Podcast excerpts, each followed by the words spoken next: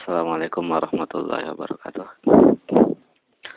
Alhamdulillah wassalatu wassalamu ala rasulillah wa ala alihi wa ashabihi wa man tabi'ahu ila yaumil qiyamah amma ba'du. Kita akan mulai mengkaji kitab Tauhid, kitab yang ditulis oleh Syekh Muhammad Ibn Abdul Wahab rahimahullah. Beliau mengatakan Bismillahirrahmanirrahim. Kitab Tauhid memulai dengan basmalah.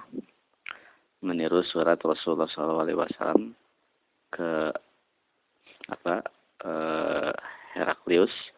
Juga surat Nabi Sulaiman kepada Ratu Bilqis. Innahu min Sulaiman wa innahu bismillahirrahmanirrahim. Kitab Tauhid. Tauhid definisi Tauhid adalah ifradullah ta'ala fi uluhiyatihi wa rububiyatihi wa asma'ihi wa sifatihi.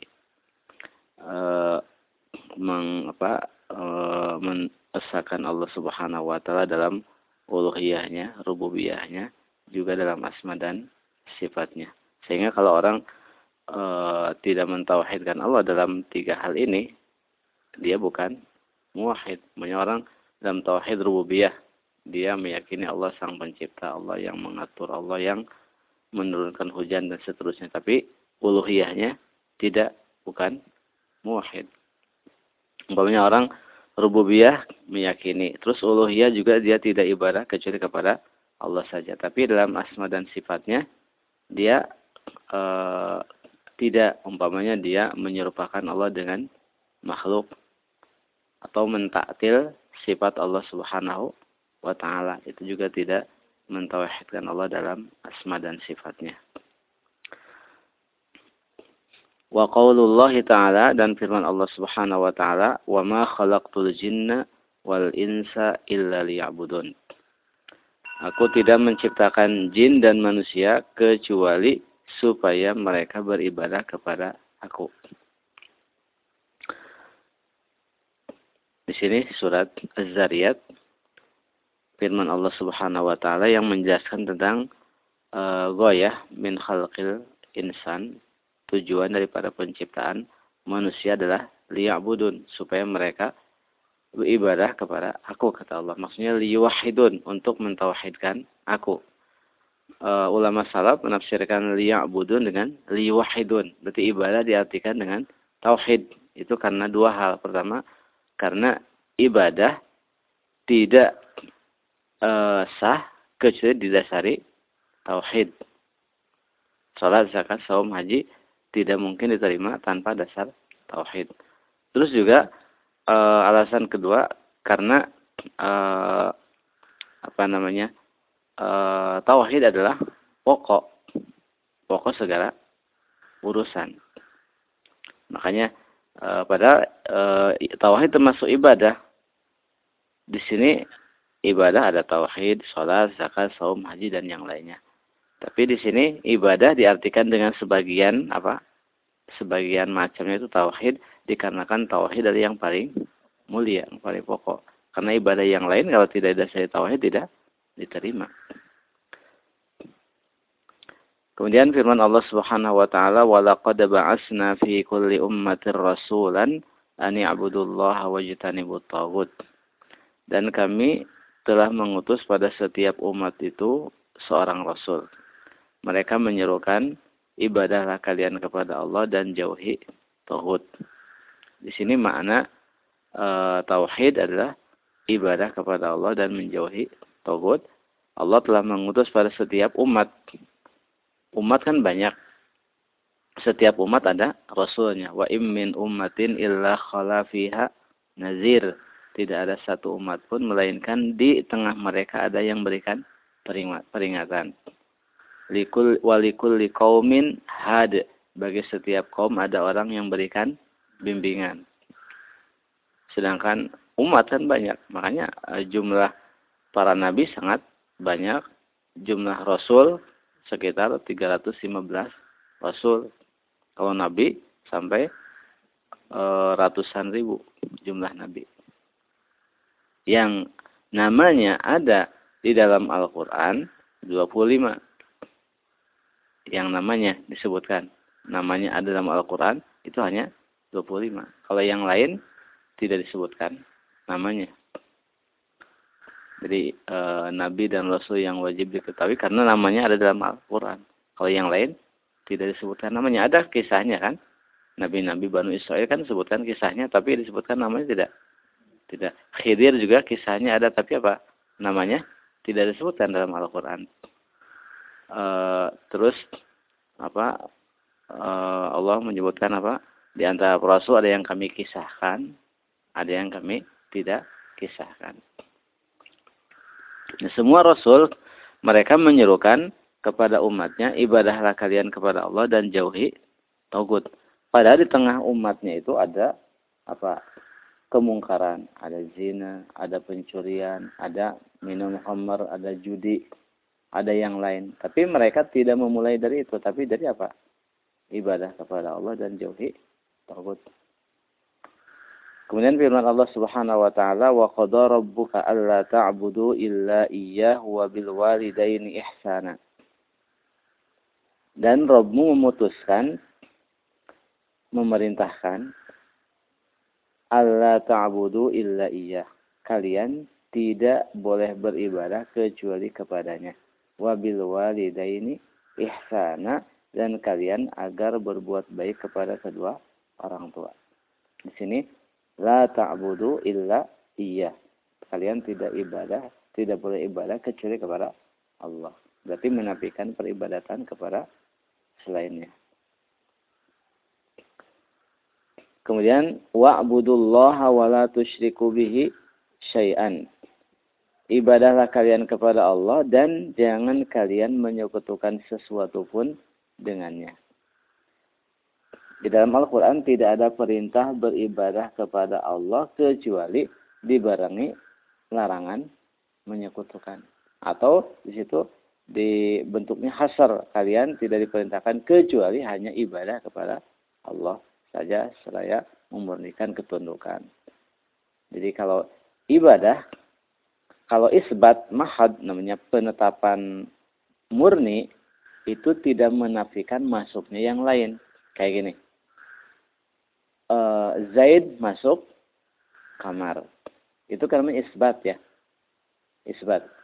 Ketika mengatakan Zaid masuk kamar tidak menafikan ada orang lain masuk juga kan? Begitu juga eh, apa eh, tapi kalau seandainya ada penafian tidak masuk ke dalam kamar kecuali si Zaid artinya tidak ada yang yang lain. Nah kalau orang e, kalau seandainya Allah mengatakan ibadahlah kalian kepada Allah titik. Itu tidak ada pelarangan apa? Ibadah kepada selainnya tapi Allah selalu menyertai apa? Larangan ibadah kepada selain Allah. Uh, U'budullaha wajtanibut tawad. Amar alla ta'budu illa iya. Wa'budullaha wa la tusyriku bihi syai'an. Jadi uh, al-isbat al-mahad tidak menafikan masuknya yang lain. Makanya ada isbat, ada nafiyu. Dan di sini uh, la ilaha nafiyun illallah isbat.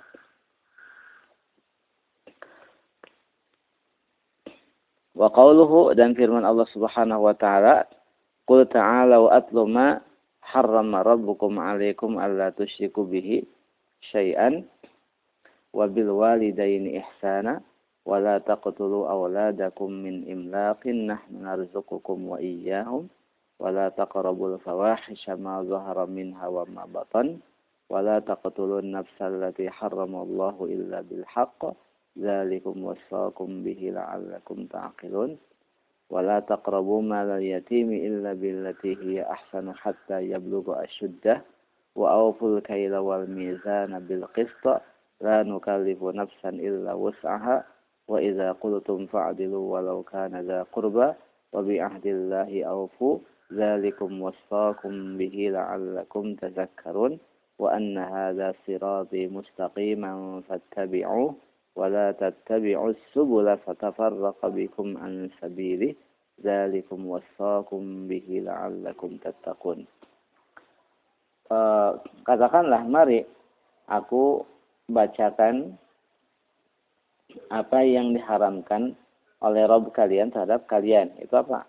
Jangan kalian menyekutukan Allah dengan sesuatu pun. Pertama. Kemudian wabil walidaini ihsana. Hendaklah kalian berbuat baik kepada kedua orang tua. Wala taqtulu awladakum min imlaq. Jangan kalian membunuh anak-anak kalian karena apa?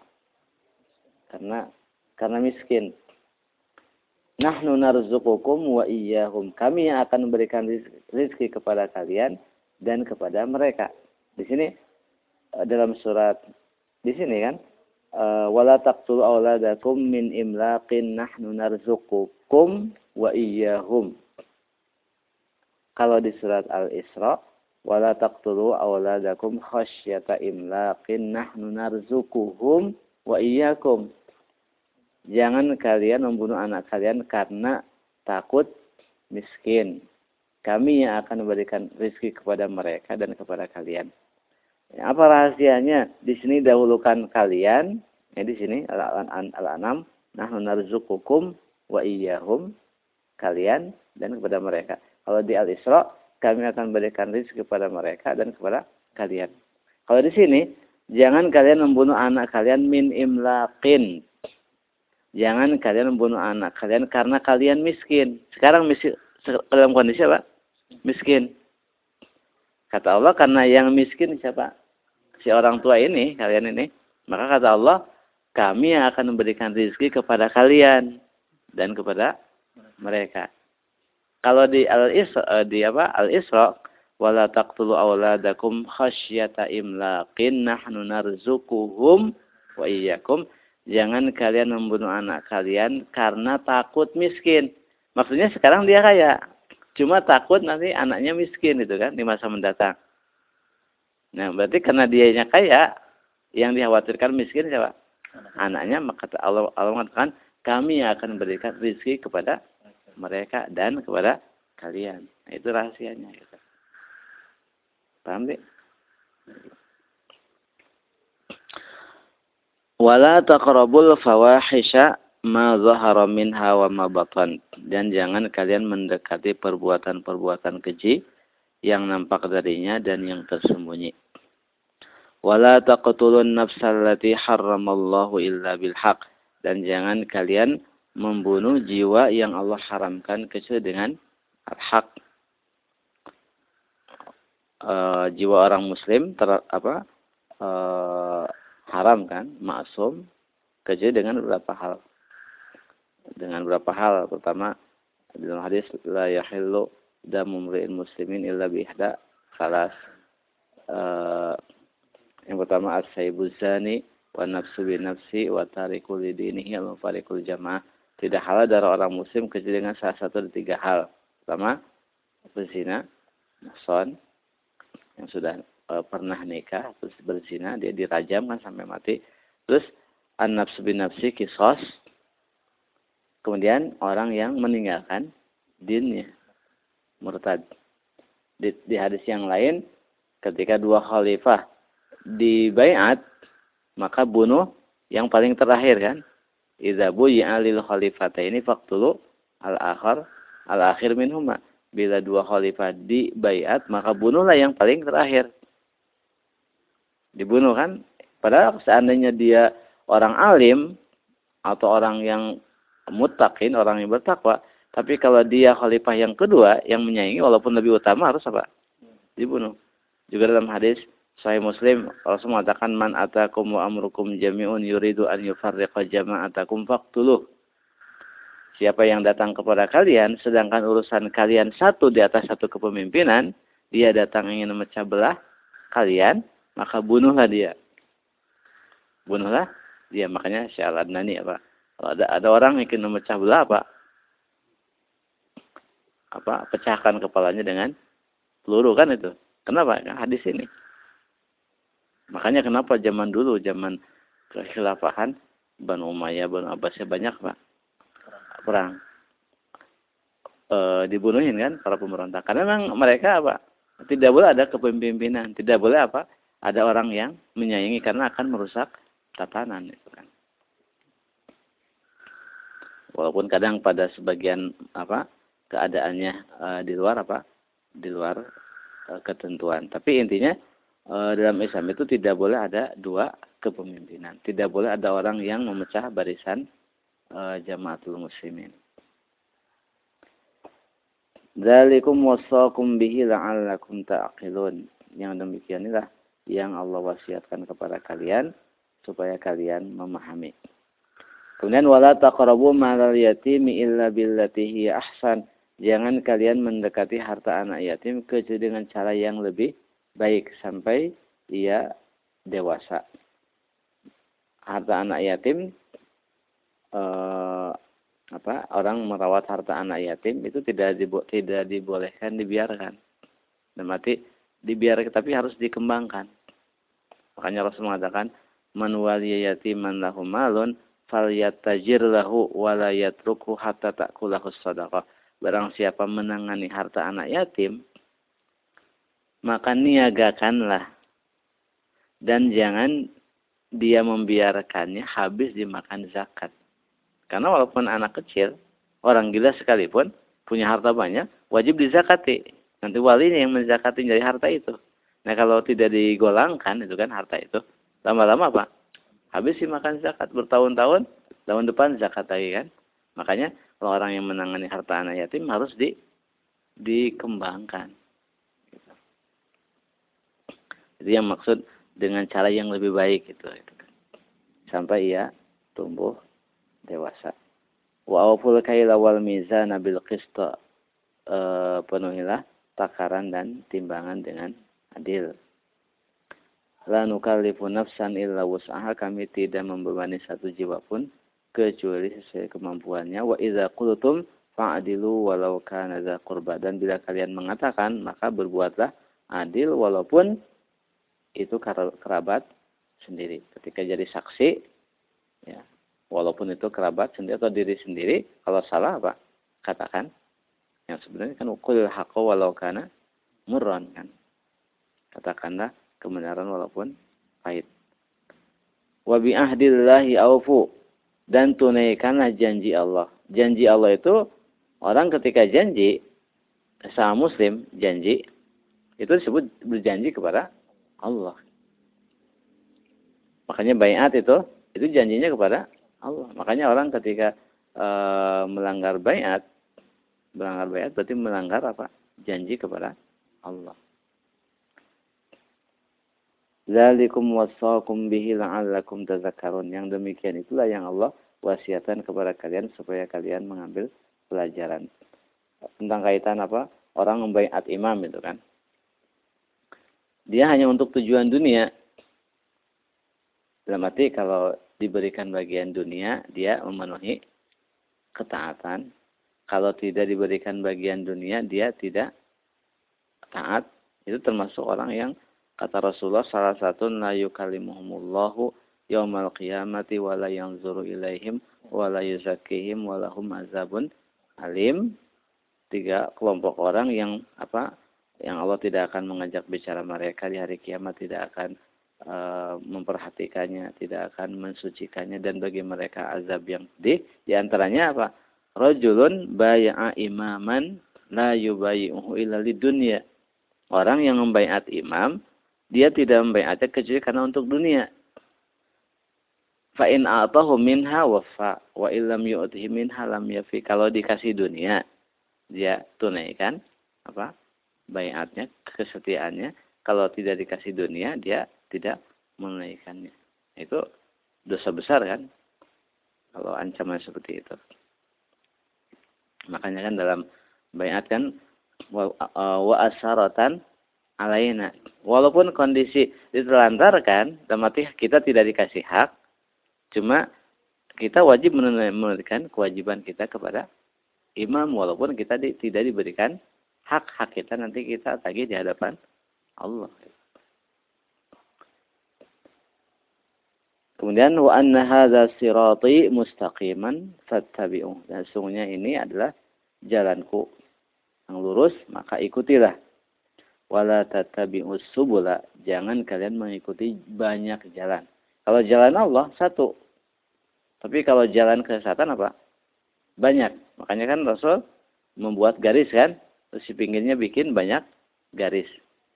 Setiap garis apa setiap jalan ada setan yang memanggilnya. Doat ala abwab jahanam kan. E, para penjuru di atas pintu neraka jahanam, siapa yang menyambutnya maka memasukkannya ke dalam neraka jahanam. Kata Allah Subhanahu wa taala, jangan mengikuti jalan-jalan itu sehingga membuat kalian apa eh, apa terpencar dari jalan Allah. Yang demikian itu yang Allah wasiatkan kepada kalian supaya kalian menjadi orang-orang yang uh, bertakwa. Ibnu Mas'ud mengatakan tentang ayat-ayat ini, "Man arada ayyan zura ila wasiyati Muhammadin sallallahu alaihi wasallam allati 'alaiha khati khatamuhu falyaqra qaulahu ta'ala qul ta'alu." Uh, Ibnu Mas'ud mengatakan barang siapa ingin melihat wasiat Muhammad wasallam yang ada capnya, maka bacalah ayat tadi Al-An'am yang tadi itu. Maksudnya bukan ada capnya, maksudnya seolah-olah ini apa wasiat Rasulullah yang ada capnya. An Mu'adz bin Jabal radhiyallahu anhu qala kuntu radifan Nabi sallallahu alaihi wasallam ala himar. Dari Mu'adz bin Jabal radhiyallahu taala berkata, saya uh, dibonceng Nabi sallallahu alaihi wasallam di atas keledai. Faqala li maka beliau mengatakan kepadaku ya Mu'azu Atadri ma haqqullahi 'alal ibadi wa ma ibadi 'ala Allah? Wahai Muad, tahukah kamu apa hak Allah atas hamba-hambanya dan apa hak hamba-hamba atas Allah? Qultu saya berkata Allah wa rasuluhu alam. Allah dan Rasulnya lebih mengetahui. Qala Rasul mengatakan haqqullahi 'alal ibadi ay ya'buduhu wa la yusyriku bihi syai'an wa haqqul ibadi 'ala Allah alla yu'azziba man la yusyriku bihi syai'an. Hak Allah atas hamba-hambanya adalah mereka ibadah kepadanya dan tidak menyekutukan sesuatu pun dengannya. Sedangkan hak hamba-hamba terhadap Allah adalah Allah tidak mengazab orang yang apa e, tidak menyekutukan sesuatu pun dengannya. Kultu saya berkata, Ya Rasulullah, afala ubashirun nas, wahai Rasulullah, bolehkah saya memberikan kabar gembira kepada orang-orang tentang hadis isi hadis ini? Qala Rasul mengatakan, La tubashirhum fayattakilu. Jangan kabarkan kepada mereka. Nanti mereka terlalu apa? Uh, mengandalkan, lalu bersandar. Akhrajahu fi sahihaini. Hadis Al-Bukhari dan Muslim. Di sini Rasulullah SAW eh, apa mengaba, ber, berboncengan dengan Muadz bin Jabal. Berarti boncengan di atas apa? Keledai boleh kan? Keledai hewan kecil tapi tenaganya apa? Kuat kan? Dan juga ini apa? Bentuk tawadu Rasulullah SAW. Ada nggak presiden kan? Raja bonceng apa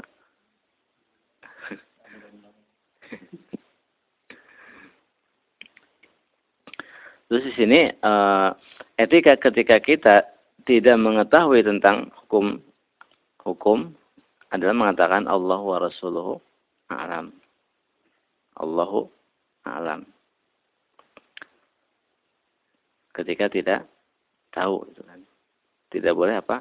memaksakan diri mengatakan sesuatu yang tidak tahu ilmunya karena Allah mengatakan wala taqfu ma laysa bihi ilmun inna sam'a wal basara wal fuada kullu ulaika kana anhu mas'ula jangan kamu mengikuti sesuatu yang tidak kamu tahu ilmunya maksudnya pendengaran penglihatan hati akan diminta pertanggung jawaban juga tentang hadis Allah mencabut apa? Ilmu dengan mewafatkan para ulama. Hatta idza lam yubqi aliman ittakhadhan nas ru'usan juhala fasu'ilu fa'aftau bighairi ilmin fadallu wa adallu. Uh, sehingga ketika tidak menyisakan satu orang alim pun tinggallah orang apa orang-orang menjadikan orang-orang bodoh sebagai pemimpin mereka ditanya terus mengeluarkan fatwa tanpa dasar ilmu sehingga mereka sesat lagi menyesatkan. Jadi e, kerusakan umat itu sebenarnya bukan dari ulama, bukan. Tapi dari orang-orang juhal yang diangkat jadi ulama. Kan tadi hatta idalam yubqi aliman. Sehingga ketika Allah tidak menyisakan seorang alim pun orang menjadikan orang-orang bodoh sebagai apa? Rujukan. Jadi kerusakan ini bukan dari ulama karena tapi kerusakan orang yang jahil diangkat jadi ulama. Itu kerusakannya. Terus di sini sebutkan hak Allah e, atas hambanya adalah si hamba ibadah kepada Allah tidak menyekutukan sesuatu pun dengannya. Itu hak Allah atas hamba yang wajib di, ditunaikan. Sedangkan hak Allah, hak hamba atas Allah, maksudnya komi, e, janji Allah bagi si hamba adalah Allah tidak akan mengazab orang yang tidak menyekutukan Allah. Apa maksudnya? Orang yang tidak menyekutukan Allah akan selamat total dari azab dalam arti walaupun dia punya dosa besar. Di sini harus dipahami bahwa nas-nas baik itu hadis mau ayat Al-Qur'an atau hadis yang kaitan dengan wa'ad janji itu dibawa kepada makna yang mutlak kepada keimanan ketauhidan yang mutlak yang total keimanan atau tauhid yang total, yang mutlak, yang sempurna. Orang yang tauhidnya sempurna tidak mungkin berbuat dosa atau ketika berbuat dosa pun dia taubat di di dunia.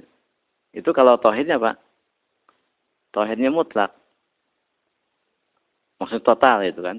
Imannya sempurna. Kalau seandainya dia berbuat dosa pun pasti taubat di dunia. Sehingga ketika meninggal dunia, dia tidak membawa apa?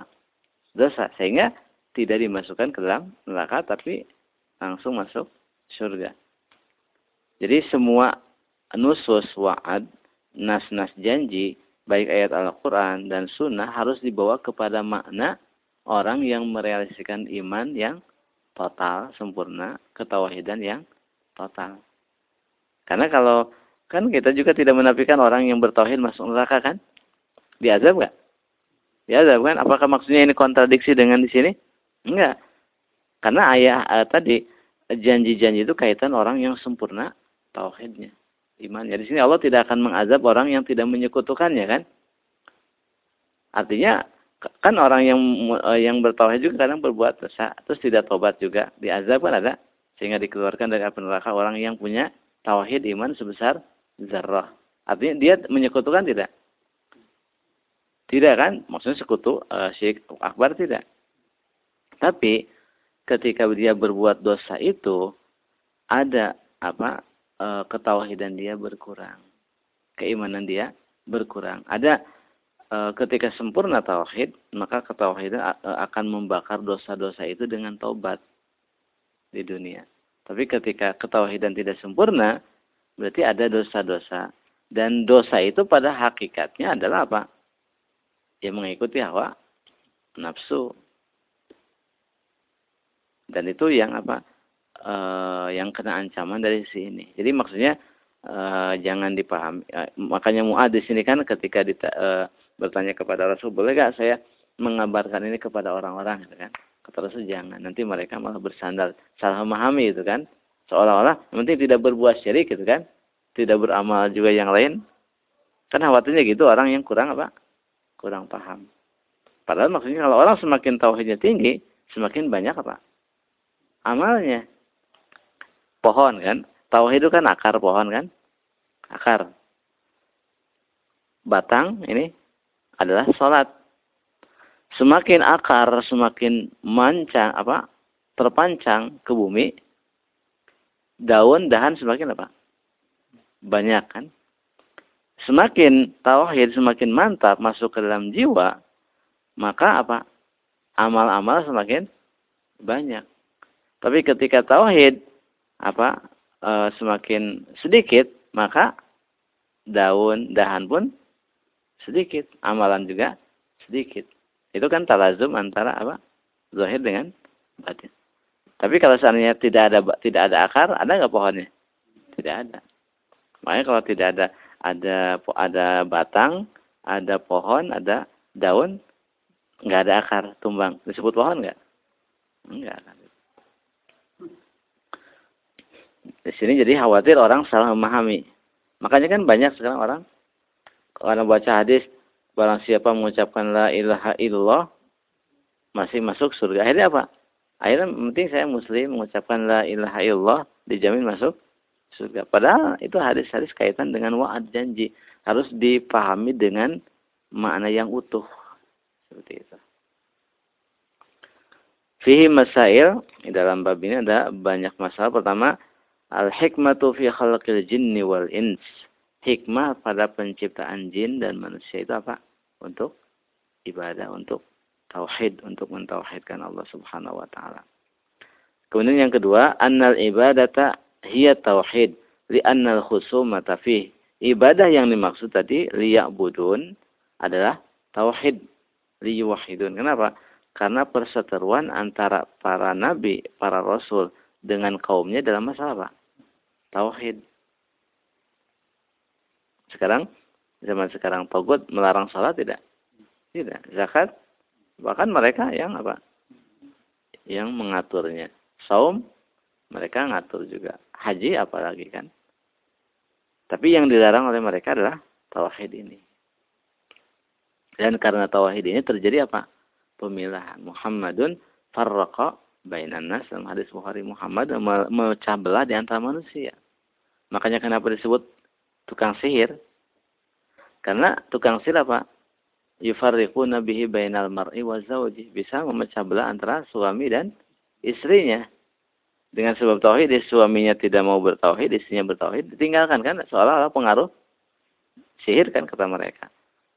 Nah, makanya Rasul disebut tukang sihir karena dari sisi apa? Memecah belah dengan sebab tauhid ini. Dan itu suatu kemestian.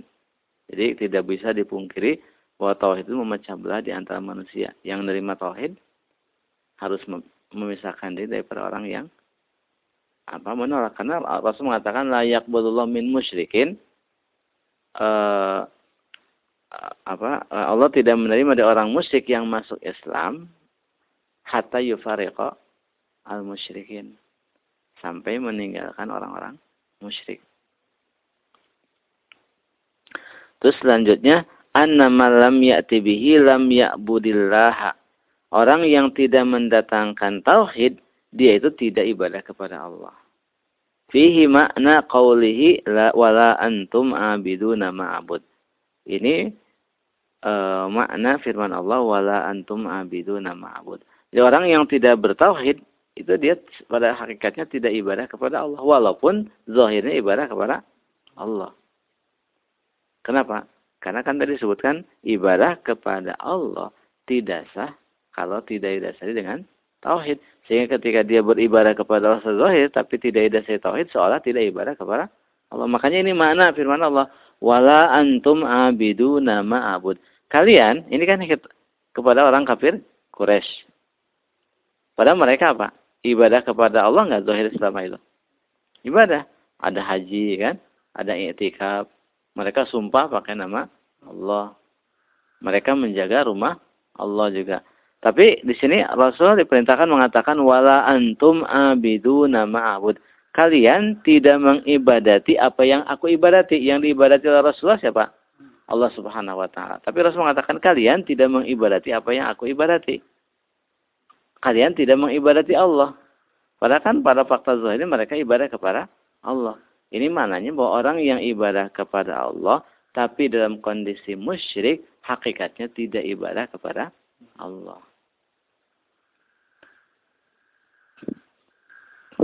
Kemudian yang keempat, al-hikmatu fi irsalir rasul. Hikmah pada pengutusan rasul adalah untuk mendakwahkan tauhid Kemudian yang kelima, anna risalata ammat kulla ummatin. Bahwa risalah kerasulan itu sudah merata ke seluruh umat. Ini juga di antara dalil bahwa sebagai sebagian ulama bahwa tidak ada yang namanya zaman fatwa itu. Karena Allah sudah mengatakan walaqad ba'asna fi kulli ummah rasulan kan. Kami telah mengutus pada setiap umat itu rasul. Wa im min ummatin illa khala fiha nazir. Kan jelas tidak ada satu umat pun melainkan di tengah mereka. Ada yang berikan peringatan. Walikulli kaumin had. Bagi setiap kaum ada orang yang berikan bimbingan. Sorry kan ya? Makanya kan sebagian mengatakan tidak ada yang namanya ahli fatrah. Dan mereka mendoaifkan hadis tentang ahli fatrah itu. Walaupun ada uh, ulama yang lain mengatakan ada ahlu fatrah itu kemudian yang keenam as-sadisah anna dinal anbiya wahid bahwa din para nabi itu satu itu tauhid. Makanya para nabi sebut eh, apa? saudara sebapak. Ibunya berbeda-beda, bapaknya satu. Syariatnya berbeda-beda, tauhidnya satu. Kemudian yang ke as yang ketujuh al-mas'alatul kabirah, masalah yang besar, anna ibadatullahi la tahsulu illa bil kufri bit taghut. Fa fihi ma'na qawlihi faman yakfur bit taghuti wa yu'min billahi faqad istamsaka bil urwatil wusqa. Bahwa ibadah kepada Allah itu tidak terrealisasi kecuali dengan kufur kepada tauhid. Tidak sah ibadah kepada Allah kecuali dengan kufur kepada tauhid. Kan ada ada apa sifatnya? Eh tahliyah, tahliyah. Tahliyah kosongkan dulu diri dari syirik. Terus tahliyah hiasi diri dengan ibadah tauhid. Sekarang kalau orang mau bersolek, badan badannya apa? Kotor kan? Apa? Oh banyak debu banyak. Langsung bersolek kan? Kalau bersolek manfaat gak solekannya? Enggak manfaat kan? Tapi apa? Bersih-bersih dulu ya. Dari noda-noda itu terus berapa? Bersolek. Baru manfaat kan? Biasanya. Begitu juga diri ketika penuh dengan kemusyrikan itu kan noda. Maka harus apa? Tahliyah dulu, melepaskan dari noda-noda itu. Setelah bersih dari syirik, hiasi dengan ibadah, tahliyah. Makanya uh, la ilaha illallah. La ilaha tinggalkan peribadatan kepada togut, kepada selain Allah, illallah baru hiasi ibadah kepada Allah gitu. Makanya tidak sah ibadah kepada Allah kecuali dengan kufur kepada Tauhid. Dan itu makna firman Allah, barang siapa kufur kepada Tauhid dan iman kepada Allah, maka dia telah me, e, memegang al-urwah al-wusqa. Ikatan tali yang sangat kokoh yang tidak mungkin putus. Yang keenam, yang kedelapan, as-saminatu anna taghuta amun fi kulli ma ubida min dunillah. Bahwa taghut itu umum mencakup segala sesuatu yang diibadati selain Allah. Tambahnya, sedangkan dia ridho. Apa saja setan, manusia kalau diibadati selain Allah, dia ridho maka dia togut. Kemudian atas siatu yang ke-9 idhamu sya'ni salasil salasatil ayat al-muhkamat. Agungnya keberadaan ayat muhkamat tadi dalam surat Al-An'am itu. Yang apa qul ta'alau atluma harrama ila uh, al ayat uh, itu sangat agung kandungan-kandungan yang di dalamnya yang di dalamnya apa disebutkan ajaran-ajaran yang disepakati oleh seluruh para nabi dan rasul makanya di situ kan nggak disebutkan Homer kan ya karena kan Homer sebelum belum dilarang tapi kalau yang disebutkan dalam ayat itu apa semuanya dilarang dalam semua ajaran para nabi Jadi agungnya ayat tersebut dalam surat Al-An'am menurut salaf. Wa fiha asyru masail. Di dalam ayat-ayat itu ada sepuluh masalah. Yang pertama awaluha an-nahyu syirki larangan berbuat syirik. Kan tadi alla tusyriku bihi syai'an. Kemudian al-ayat al-muhkamat fi suratil Isra uh, juga ayat-ayat muhkamat dalam surat Al-Isra yang wa qadara alla ta'budu illa iya. Itu juga dimulai dengan apa? Tauhid kan? Keduanya bakti kepada orang tua. Di ayat yang ini juga sama itu kan uh, al-an'am juga wa fiha samani asyrata masalah ada samani asyrata masalah ada 19 masalah bada'ah Allah biqaulihi Allah mulai memulainya dengan firman-Nya la taj'al ma'allahi ilahan akhara fataq'uda mazmuman makhzula. Jangan kamu menjadikan bersama Allah ilah yang yang lain. Tauhid dulu. Wa khatama bi wa khatamaha bi qawlihi wa la taj'al ma'allahi ilahan akhara fatulqa fi jahannam maluman madhura. Diakhiri juga dengan apa? Larangan berbuat syirik. Jangan kalian menjadikan bersama Allah ilah yang yang lain. Diawali dengan tauhid, diakhiri dengan tauhid. Wa nabbahana Allah subhanahu ala idhami sya'ni hadhil masail dan Allah mengingatkan kita kepada agungnya permasalahan-permasalahan ini dengan firman-Nya zalika mimma auha ilaika rabbuka minal hikmah itu di antara yang diwahyukan oleh Rabbmu kepada kamu berupa al-hikmah Kemudian al-hadiyata asyrata yang ke-11 ayatu suratin nisa, ayat surat an-nisa allati tusamma ayat al-huquq al-asyrah. Disebut ayat hak yang 10, 10 hak. Bada'ahallahu biqaulihi biqaulihi yang Allah mulai dengan firman-Nya wa'budullaha wa la tusyriku bihi syai'an. Ibadahlah kalian kepada Allah dan jangan menyekutukan sesuatu pun dengannya. Dimulai dengan tauhid juga. As-saniyata asyata yang ke-12 at-tanbihu ala wasiyati Rasulillah sallallahu alaihi wasallam inda. Pengingatan terhadap wasiat Rasulullah sallallahu alaihi wasallam di saat beliau hendak meninggal dunia. Itu wasiat ayat Al-An'am tadi. As-salisata asyata ma'rifatu haqqillahi alaina. Mengetahui hak Allah atas diri kita itu apa? Ibadah kepada Allah lagi tidak menyekutukannya. Ar-Rabi'ata Asyrata yang ke-14 ma'rifatu haqqil ibadi alaihi idza adau haqqahu mengetahui hak hamba-hamba atas Allah bila mereka menunaikan haknya. Kalau sudah menunaikan hak Allah, dia apa? Mendapatkan jaminan dari dari Allah. Kemudian yang al-khamisata asyrata yang ke-15 anna hadhil masalah la ya'rifuha aksarus sahabah. Masalah ini tidak diketahui oleh banyak sahabat. Maksudnya dari sisi bahwa hak Allah ini bukan dari sisi pelaksanaannya para sahabat dari awal mereka merealisasikannya. Cuma maksudnya jaminannya. Kemudian yang as-sadisata asrata yang ke-16 jawazu kitmanil ilmi lil maslahati. Boleh menyembunyikan ilmu untuk maslahat. Kalau memang tidak berkaitan dengan amal, kan tidak ada kaitan dengan amal kan? kesannya tidak ada hadis ini. Para sahabat mereka mengamalkan hadis-hadis uh, ayat tentang bertauhid kan. Kemudian as-sabi'ata asyrata yang ke-17 istihbabu basyaratil muslim bisyaratil muslim bima yasuruh dianjurkannya berikan kabar gembira kepada orang muslim dengan kabar yang membuat dia senang. Kemudian as-saminata asyrata yang ke-18 al-khawfu minalittikali ala si'ati rahmatillah. Khawatir dari bersandar terhadap lapangnya karunia Allah rahmat Allah. Kadang orang mau ah, Allah Maha pengampun ini gitu kan. Ketika dinasihati apa? Jangan berbuat dosa. Allah kan Maha pengampun. Itu namanya apa?